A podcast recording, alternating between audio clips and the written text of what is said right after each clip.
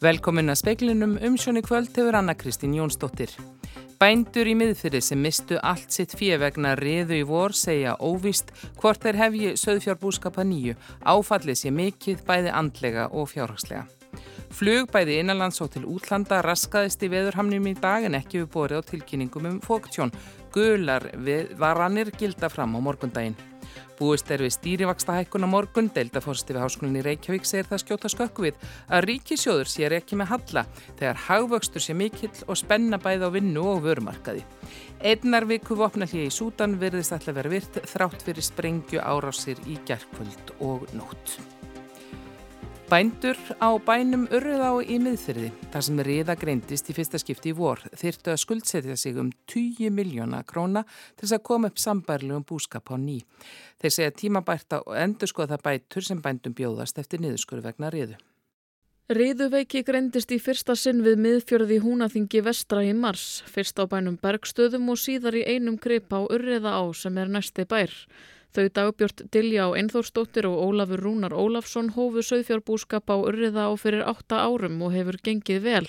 Þegar ljóst varða þau myndu missa lífsviðurværi sitt var áfallið mikill. Tókum þetta svolítið út þegar þetta kom upp á berstum. Þetta var alltaf rosalegt sjokk fyrir alla sveitina og það voru mjög erfið dagar fyrst og eftir eftir að þetta greindist þar.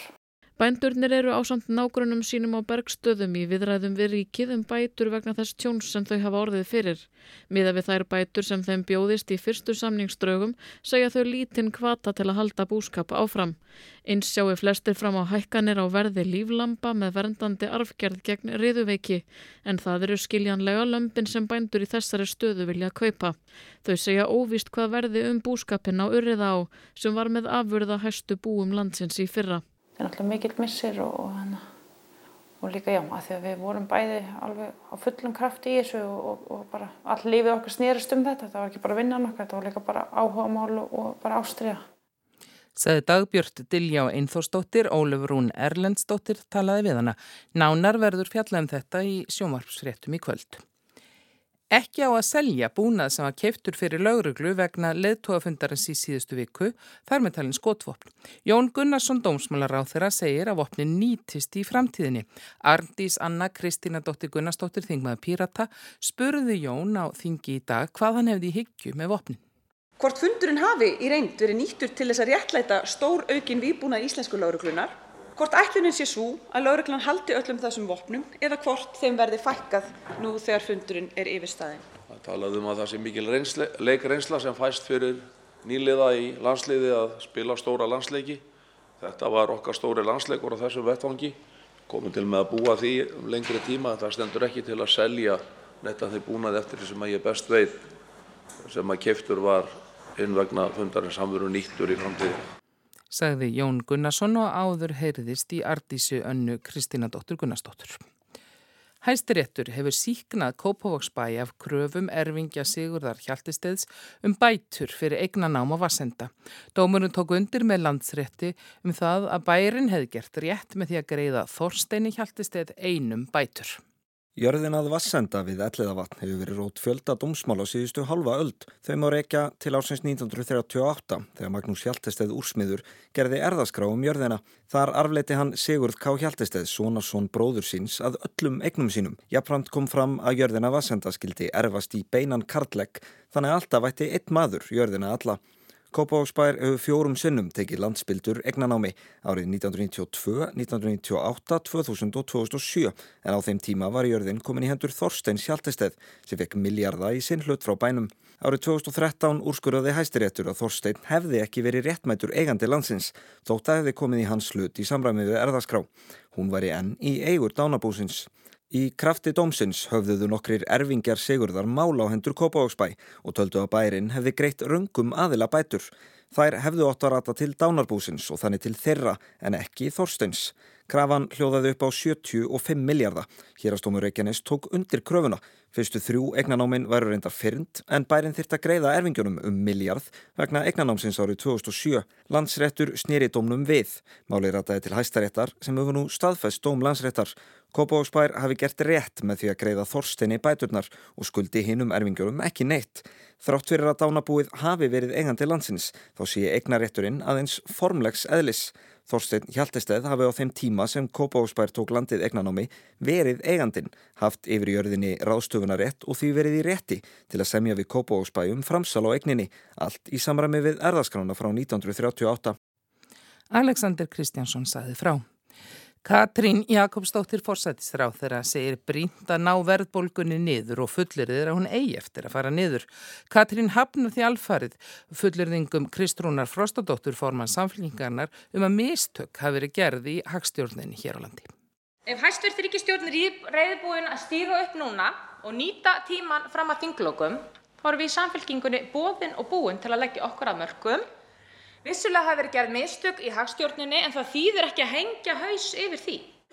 Núna þarf að horfa fram á veginn og því spyr ég hæstvirtan fórsættisráðra. Kemur til greina að nýta tíman sem við höfum fram að þinglokum til að ráðast í aðgerið sem verja heimili? Þegar háttvirtu þingmaður tala hér um einhvers konar mistök sem ég ætla bara að hafna að það hefur verið gerð. Brínasta verkefnið er að verðbólka fari niður og hún mun fara niður Við erum auðvitað í þeirri stöðu hér að atvinnustig er mjög hátt, atvinnuleysi mjög lágt, umsvif í kerfinu eru mjög mikil og það er að sumu leyti góð staða miðað við ýmis önnur ríki sem við berum okkur sama við. Sagði Katrín Jakobsdóttir og heyrðist í Kristrúnu Frostadóttur á undan. Rætt verður frekar um efnags ástand og vakstahækkanir síðar í speklinum við Jón Þór Sturluson. Gular viðvarnir eru enni gildi á stórum hlutalandsins vegna suðvestan kvassviðris eða storms. Síðustu viðvarnir fallur gildi klukkan þrjú á morgun. Ökumenn þurfa að hafa varan á að huga að kviðum en rólegt hefur verið hjá Björgunarsveitum það sem hafa verið. Millilandaflug fóru skorðum vegna kvassviðrisins og öll flug áallun Æslandi er raskaðist og eitthvað fram á morgundaginn. Öllu innanlandsflugi var aflýst eða því frestað og veðrið virðist æra upp ferðarþorsta landsmanna sem stökka sumir af stað til útlanda með sólarhings fyrirvara. Það var ekkert sérlega sömarlegt um að litast þegar hagliel dundi á þökum víða um landið. Það er kannski ekki augljóst að það sé að koma sömar. Þetta saði Raffn Guðmundsson veðurfræðingur við Jóhannu Vigdísi Hjaltadóttur í fréttum í gær. En það hefur veðrið ekki verið på marga fiska nema á Austurlandi. Langþrettir landsmenn virðast í auknum mæli sækja út í sólina. Guðni Sigursson upplýsingafulltrú Æslandi er segir að veðrið hafi klárlega áhrif á ferðahægðun landans. Mikil eftir spurnsi eftir að komast á hlýri slóðir. Þórun Reynistóttir, fórstjóri úrval útsýn, tekur í sama streng. Það hefur áhrif á, á sölunni hjá okkur. Fólk stekkur út með stutt sem fyrirvara. Hvert er fólk að fara? Herri, fólk er að fara bara í ymsar áttir. Sækist náttúrulega mest í, í þessu sólinn er og sumistakku er bara daginn eftir. Bara hún er fór nóg og farnir. Meða við þetta hlítur Sæðlabankastjóri að leikja á bæn og byggja um betra veður þar sem hann telur ferðagleiði landsmanna íta undir verðbólguna. Alma Ómarsdóttir tók saman. 19. mæn 2021 hækkaði Sæðlabankin stýrivexti í 1% en það var verðbólka þá orðin 4,6%. Verðbólgan var orðin meiri og þrálátar en áður hafði verið spáð. Peningastafnu nefnd bankans tók fram í yfirlýsingu sinni að hún myndi beita þeim tækjum sem hún hefði yfir að ráða til að tryggja að verðbólgan hjaðinni aftur niður í verðbólgumarkmið sem er 2,5% innan ásættanlegs tíma eins og það var sagt. Þetta var fyrir tveimur árum. Verðbólgan er ekki lengur 4,6%. Hún hefur síður eins og hjaðnað, heldur aukist og mælist nú 9,9%. Mæltist reyndar mest 10,2% í februar. Og Sæðlabankin hefur hækkað stýrivexti linnulöst og nú eru þeir 7,5%. Á morgun er vaksta ákverðunadagur hjá Sæðlabankanum er nokkuð við öðru að búast en að stýrivextir verði hækkaðir enn á ný. Jón Þór Sturluson, hagfræðingur og deildarfórseti viðskiptafræði deildar Háskólans í Reykjavík. Ég svo kallar greiningaræðilar hafa flestir gefið út spár þess að, að vexti munu hækka verulega á, á morgun. Að það verði ákvöðun peningastöfum nefndar. Törur á, á, á bílinu 0,75 til 1% eru mikið nefndar. Var 1% síðast? Já, það, en, það er hins vegar en, en þá svo stað uppi að eh, verðbólka er há. Hún hefur eh, í rauninni ekki dvínað eins og, eins og kannski við hafði verið búist og væntingar markaðsæðila og heimila eru freka neikvæðar svona hort 1 og 2 ára í tíma. Kannski bara til þess að fara alveg í grunninn. þegar það er orðin svona mikil verðbólka, hvað er þá hægt að gera? Hvaða tæki og tól hafa stjórnmjöld til þess að ná henni niður? Það veldur náttúrulega svo letið á því hvers kyns verðbólgan er. Þessi verðbólkubilgja sem að þetta hefur dunið á flestum ríkjum í heiminum Hún byrjaði kannski að miklu leiti sem kostnaði verðbólka en við erum í dag að horfa á mjög svona breyðvirka verðbólku, verðbólku sem að kemur fram á mörgum sviðum, en, uh, kannski síðustu misseri á um, húsnæðismarkaði, eh, líka á ymsu vörumarkaði, bæði innfluttum og, og, og innlendum. Nú síðast var mikil hækkun á uh, maturverði, frá dæmis í tekið, en það er svona á ymsum stöðum sem hún kemur fram, þannig að það er Í grunn orsökin eh, virðist vera fyrst og fremst almenn þensla í samfélaginu, mikill hagvöxtur umfram framnýslu getu og það eru fáa lækningar í því nema að rauninni hægja á hakkerfuna, kæla hakkerfuna. Og það gerur um að því að hækka styrfæksti? Það er hinn hefðbunna og eh, eina leið sem að hagfræði heimurinn þekkir sem að, að hefur búið árangur í fortíðinni að rauninni hækka verið á fjármarni. Það hefur ekkert dugaðanitt óskaplega vel hingað til núna í þessari bylgu? Nei, þetta er ekkur leiti ómjölu bilgja en, en, þú getur farið aftur í tíman og séðu þetta tímabil með, með enn meiri og uh, svona þarlóttari verðborgu á Íslandi og viðar í heiminum. En enga síður er, eru stýrivextir ekki það háir að þeir skapi mikinn, eh, hvað þú segja, háa raunvexti fyrir skemmir í fjárskuldbindingar. Þannig að stýrivextina verður að horfa á í samengi við verðbólguna. 7,5% stýrivextir og 10% verðbólga eru neikvæðir vextir upp á 2,5%. Sælubankin horfir þó á þetta meira fram í tíman, hugleðir hvað er líklegt að gerist næsta árið tvö og hefur þar uninni fyrst og fremst að markmiði að ná vendingum um verðbólguna nýður. Og meðan að það gengur ekki mjög vel, þá er eh, hefðbunnaðferðin og rauninni svo eina held ég sem að fræðarsamfélagi getur lagt til á þessu tímpunkti að bæta í og hækka vexti frekar. Við stöndum fram með fyrir því að hér er það að má eiginlega alveg segja að það sé allt á fullu gassi í samfélaginu, það bara er mjög mikið í gangi og það hefur orðið mjög mikil fólksfylgun á skömmum tíma, 19.000 manns held ég flutt til landsins á tveimur árum og það er stórt ferðamannasumar í vændum. Það er gert ráð fyrir um það byrjum 2 miljónum ferðamanna til landsins í ár. Þetta mun ekkert draga úrneitni eftirspurni í hagkerfinu? Nei, þetta er alltaf hefur þau fyrst og fremstu áhrif að það, það dregur úr uh, fjárfestingum. Það mun hæja á hverskins uh, húsbyggingum vantanlega og getur tafið fyrir innbyggða fjárfestingu. En þetta hefur þetta líka áhrif á uh, almenning uh, og ætti að hafa þetta áhrif að það drægi og neyslu og rauninni þetta er ef eitthvað er kvati fyrir aukinn spartna. Þannig að þetta eru þetta þætti sem eiga að hafa kælendi áhrif á, á hafkerfið.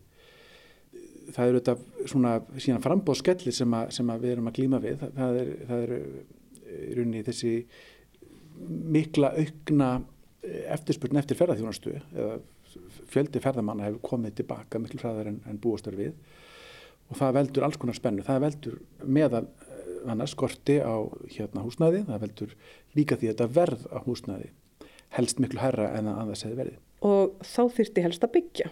Já, það eru þetta eh, því miður óheppilegar afleðingar af herriföxtum að það dregur og kvata til þess að, að fjárfesta í nýju húsnæði. Þannig að tímabundið að mestu eru svona neikvæð hlýðar áhrif af, af þessum aðgerðum selabankans.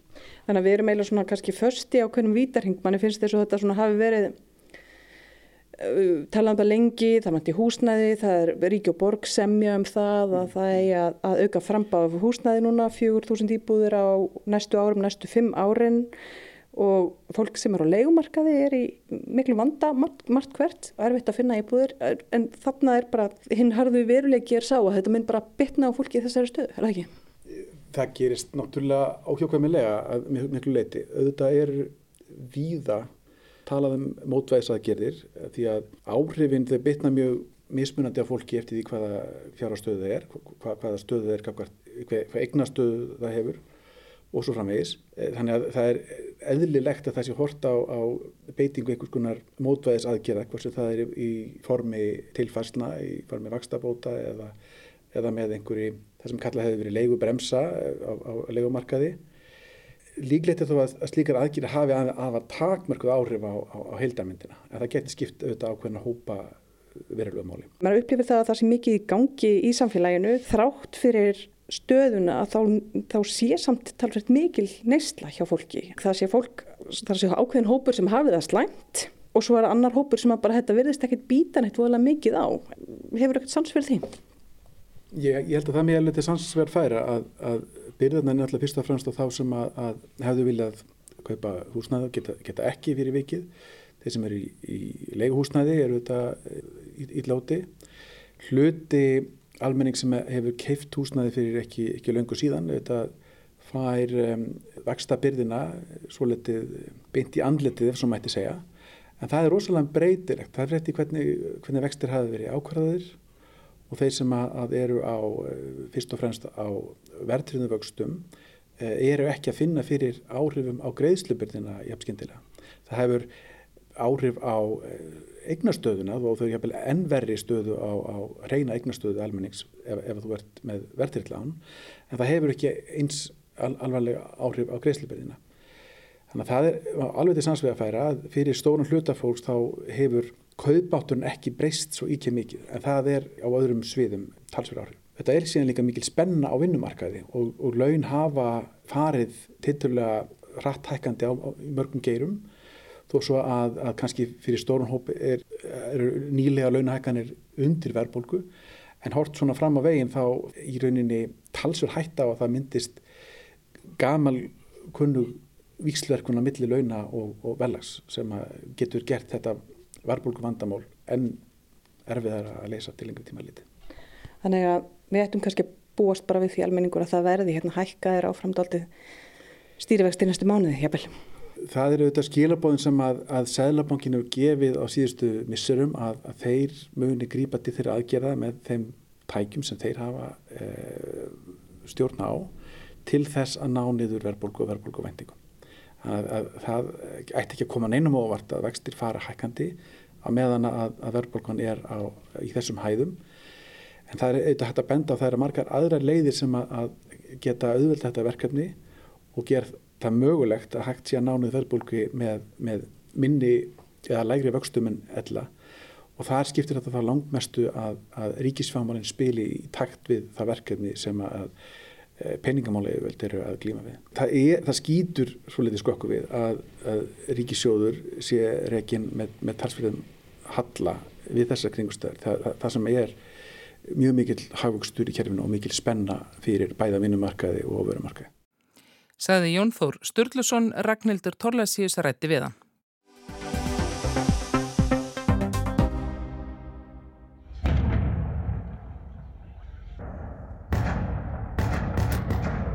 Sprengjutrunur hvaðu við í Kartum, höfuðborg Sútans, í nótt og fram á morgun þrátt fyrir einnar viku vopnallið sem átti að ganga í gildi þegar klukkuna vantaði kortir í tíu í gerkvöldað staðartíma. Samið varð um það að tilstuðlan sáttasemira frá Sáti Arabi og Bandaríkjónum.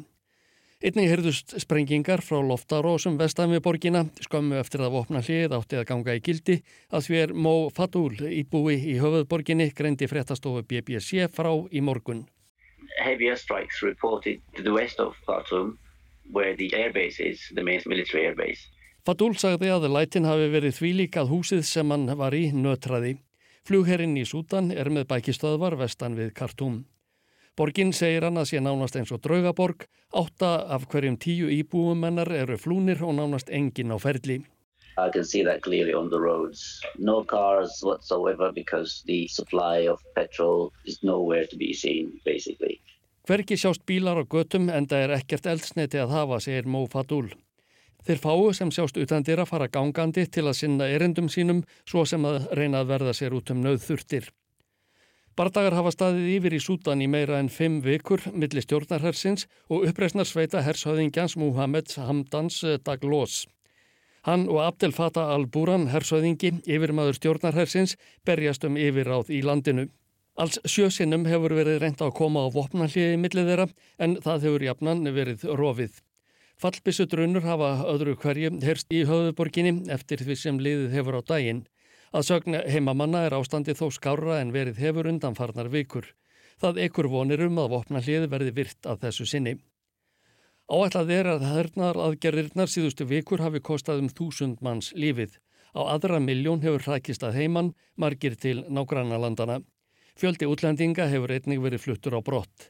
Lítið er orðið um mat, drikjarhæft vatn, lif og ymsar aðrar nöðþurftir. Saminuðu þjóðirnar áætla að um 25 miljónir sútana þurfi á bráðrið aðstóða að halda. Hjálparstofnanir hafa neðist til að halda að sér höndum frá því að bardagarnir brutust út. Abdu Dieng sem stýrir mannúðaraðstóð saminuðu þjóðana í landinu hvaðst í dag vona að byrja að virði að dreifa hjálpargögnum sem allra fyrst að því tilskildu að vopna hlið yrði virt. Starting today, we are collectively mobilized in order to provide assistance to the population of Sudan in the whole country. Við erum frá með deginum í dag tilbúin að veita íbúum í görvallu landinu aðstóð, saði Abdu Dieng í viðtali við frettatháttin News Hour hjá BBC. Hann varð, líkt og flest annað hjálparstarfsfólk, að flýja frá Kartum til hafnarborgarinnar Port Sudan við Rauðahaf þegar hernaðar aðgerðirnar hófust. Hann segir að byrðir af lífsnauðsynjum séu til viðsvegar um Sudan sem hann vonast til að hægt verði að dreifa á einni viku meðan vopna hliði varir. Þegar Abdu Dieng er spurður að því á hverju liggi mest svarar hann. Everything is a priority. Food is a priority, medicine is a priority, water is a priority. After more than five weeks of fighting, everything is a priority. Everything. Allt er í forgangi, matur, liv, vatn. Eftir meira en fimm vikna bardaga liggur á að koma öllu til fólksins, öllu. Abdu Dieng hverst vonast til að stríðandi fylkingar sem skrifuð undir nýjasta vopnanslérs samkómulegið standi við það og heimili hjálparstofnunum að koma nöðþurftum til almennings. Hann segir að nokkrar fylkingar til viðbótar sem hafa notfært sér ástandið að undanförnu og rent verslanir og önnur fyrirtæki líti til þess að ástandið í landinu er orðið slemt og leifi hjálparstarfsfólki að fara sinna ferða. Þá vonast hann til að einnar viku vopnallið verði framlengt enn frekar og helst að fylkingarnar leggji niður vopn. Samennuðu þjóðirnar fóru í síðustu viku fram á 2,6 miljardar dólara fjárframlag til frekara hjálparstarfs í Sútan. Abdu Dieng segir að stopnunin hafi einungis rúmlega 200 miljónum dólara úr að spila eins og sækir standa en vonast til að þjóðir heimsið bregðist skjótt við og reyði fram fjö þar sem neyðin í Sútan sé óskapleg. Hann er í lokin eh, beðin um að leggja mat á ástandið eins og það er um þessar mundir.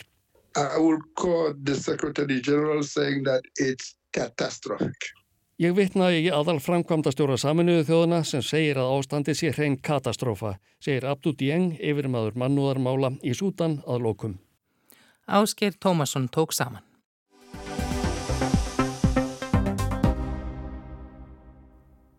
Engin fundur hefur verið bóðaður í kjaradeilu BSRB og sambands íslenskra sveitarfélaga og mikið sagt bera á milli. Um 1500 félagsmenn í BSRB sem starfa hjá tíu sveitarfélagum er í verkvalli þessa vikuna og frekari og viðtakaraðgerir hafa verið samþygtar alveg fram í júli. Hjá BSRB segja menn mikinn hug í fólki ráðast þurfi gegn mismunun á launum hjá starfsfólki. Heiðabjörg Hilmistóttir, formaður sambands Íslenskra sveitarfélaga, segir kröfur BSB margar eðlilegar. Þungt sé í ári og áherslan hafi verið á að hækka laun þeirra sem hafaðu lægst. En það sem við höfum ekki geta fallist á það er það að þau óskæfti því að við tökum upp fyrir samning sem er liðin og að fulli endur og endur samjum um hann. Og, og við erum tilbúin til að samja frá því að síðast í samning laug og til fremtíðar og, og erum að tala um það um árssamning núna og það er kannski það sem strandar einna helst á núna. Hvers vegna eru þið ekki tilbúin að fallast á þetta? Samningar eru samningar, þeir hafa ákveðin gildistíma og við verðum einhvern veginn að geta treyst því að þegar við samjum við fólk og, og, og félög að þeir samningar standist og, og við myndum ekki fara fram á það sama við BSB finnst bara aðrilegt að samningur í standi og við semjum frá því að síðasta samning laug og erum tilbúin til þess og höfum sendt við reyndar alls konar hugmyndir og, og reynd að vera lesna við og, og hugmyndaríki í þessu. Hvað er það sem þið hafið lagt fram á móti sem að þá BSB hefur nú hafnað? Við höfum reynda að leggja fram núna auk, aukna áherslu á ennþá harri laun fyrir þá sem eru leggst launaðir af því að uh, það hefur eitt af því sem BSB hefur haft líka áhuga á. Við bútum greiðslu fyrir allra leggstu launin og, og reynda að finna svona uh, einhverja samíla fleti þar að örlíti hækka okkur í launahækkunum þá á þessu ári sem að framöndan er því að þetta eru auðvitað bara ársamningur Viðmið markaði hefur verið svona 8,8% og við hefum farið herra en það og, og, en okkur sínist kröfur BSIB að vera alltaf því 14% launahækkun sem er bara ekki eitthvað sem við getum, getum gert fyrir eitt félag og, og ekki enna. Við erum auðvitað búin að samja við eflingu, við erum búin að samja við BHM, við erum búin að samja við fjöldafélaga og það væri erfitt einhvern veginn að samja núna við BSIB um einhver alltunni kjör heldur en við höfum verið að samja við hérna. Eru þið búin að tegja ykkur alveg eins og þið getið til að ná, ná sátt í þessu? Við sendum að mér þykir ansi gott tilbúð uh, til BSIB á förstu daginn. Því var ekki tekið þannig að við sjáum það svolítið núna kannski að boltin sé hjá BSIB. Það getur vel verið að í samtalenu sem, að, sem betur fyrir opið og vinsamlegt að, að það komi lausnur. Ég bara treysti því að við finnum einhverja lausnir og einhvern flut á því að semja sem fyrst þannig að, þannig að fólk geti hægt í verkvalli því það er auðvitað ekkert engin staða sem að, sem að neinum hugnast. Í Kastlósi gær sagði formað BSSB að það sem vantaði upp á er svona 0,3% hildar uh, launakostnaði sveitafélaga. Hvernig lítur þú að það ertu samanlega því og, og er það eitthvað sem kemdi grann? 0,3% hildar launakostnaði sveitafélaga eru þetta ansið mikið. það er ekki eitthvað sem við höfum heimil til þess að semjum til viðbútar við það sem við munum hækka launum. Við erum auðvitað að tala um mjög háa launahækkanir alltaf 10% launahækkum fyrir lagstu launin og við, við getum ekki farið mikið herra en það á einu ári. Ég held að öllum sé ljósta að staðarsveitafélag er bara ekki með þeim hætti í dag að við getum hækka laun meira en það en, en auðvitað viljum við vera góðu vinnumveitundur og viljum borga góðu laun og ég veit að margir mættu hafa herri laun heldur en þeir hafa en það er kannski okkar langtíma markmið. Nú eru sveitafélag í þeirri stöðu að þau ná ekki að uppfylla að bjóða sko, lögbundna þjónustu. Mm það getur ekki verið mjög gott fyrir sambandi íslensk skvættfélag. Hvað segir þið við því? Nei, það er auðvitað alltaf hörmuleg staða að geta ekki bóðið í lögbundna þjónustu og það er auðvitað alltaf hörmulegt líka þegar starfsfólki fyrir verkvall af því þeim finnst við ekki svara gröfum þeirra og við erum auðvitað að vinna því alveg allan daginn að reyna að leysa þá deilu og finna lustnir. Þetta er auðvitað ekkert sem við erum ánæðið og stoltið yfir, þetta er auðvitað alltaf neyðar úrraði en, en vissulega eitthvað sem að verkefælisfélagin hafa rétt á og við virðum það og við hlustum á þau og reynum að vinna með kröfunar og, og einhvern veginn þá held ég að þetta endi þannig að báðir aðalar fá kannski ekki allt sem þeir vilja en einhver löst lítur að vera að núti sem við vonandi finnum sem fyrst. Finnir þið ekki til, til ábyrð til að gera allt sem, sem þarf að gera með hvað þetta hefur áhrif á marga og hversu, hversu við taka á þjónustu sveitfélagi þetta hefur? Jú, sannarlega. Hér er fólk að vinna frá mótum til kvælds að, að reyna að leita löstna og, og rekna og skoða og og reyna að finna þetta og, og hérna, mér finnst samtalið vinsanlegt og ég held að það sé bara mikilvægt að það sé opið. Við hefum lagt að áherslu að verði búðar aftur fundir í þessari viku, ríkisáttastamir eru auðvitað með máli núna og verður svolítið að heyri aðlum og við erum full, við finnum auðvitað til ábyrðar og erum bara full að vilja gert til þess að semja en það verður að vera eina af þess ramma sem er, er gerlegt að semja fyrir okkur og eina af þess sem við hefum líka heimil til því við erum auðvitað að semja fyrir sveitufölun. Ég held að nú allir með þá reynu að eiga ekki mikið aflögu þess að dana. Ef þetta ástand heldur áfram eins og BSB hefur búið hvernig serðu ástandið í sveitafélagunum eh, á næstu vikum og mannuðum? Það er alltaf alvarlegt ef það er verkvall og það er alltaf alvarlegt ef að sveitafélag getur ekki veitt þá þjónustu sem það á að veita. Þannig að ég get alveg séð fyrir mér að það getur orðið mjög slemt ástand við það og sérstaklega fyrir það fólk sem tristur á það þjónustu sem ekki er veitt núna eins og, eins og fólk með börn og ég tala ekki um falla, falla fólk.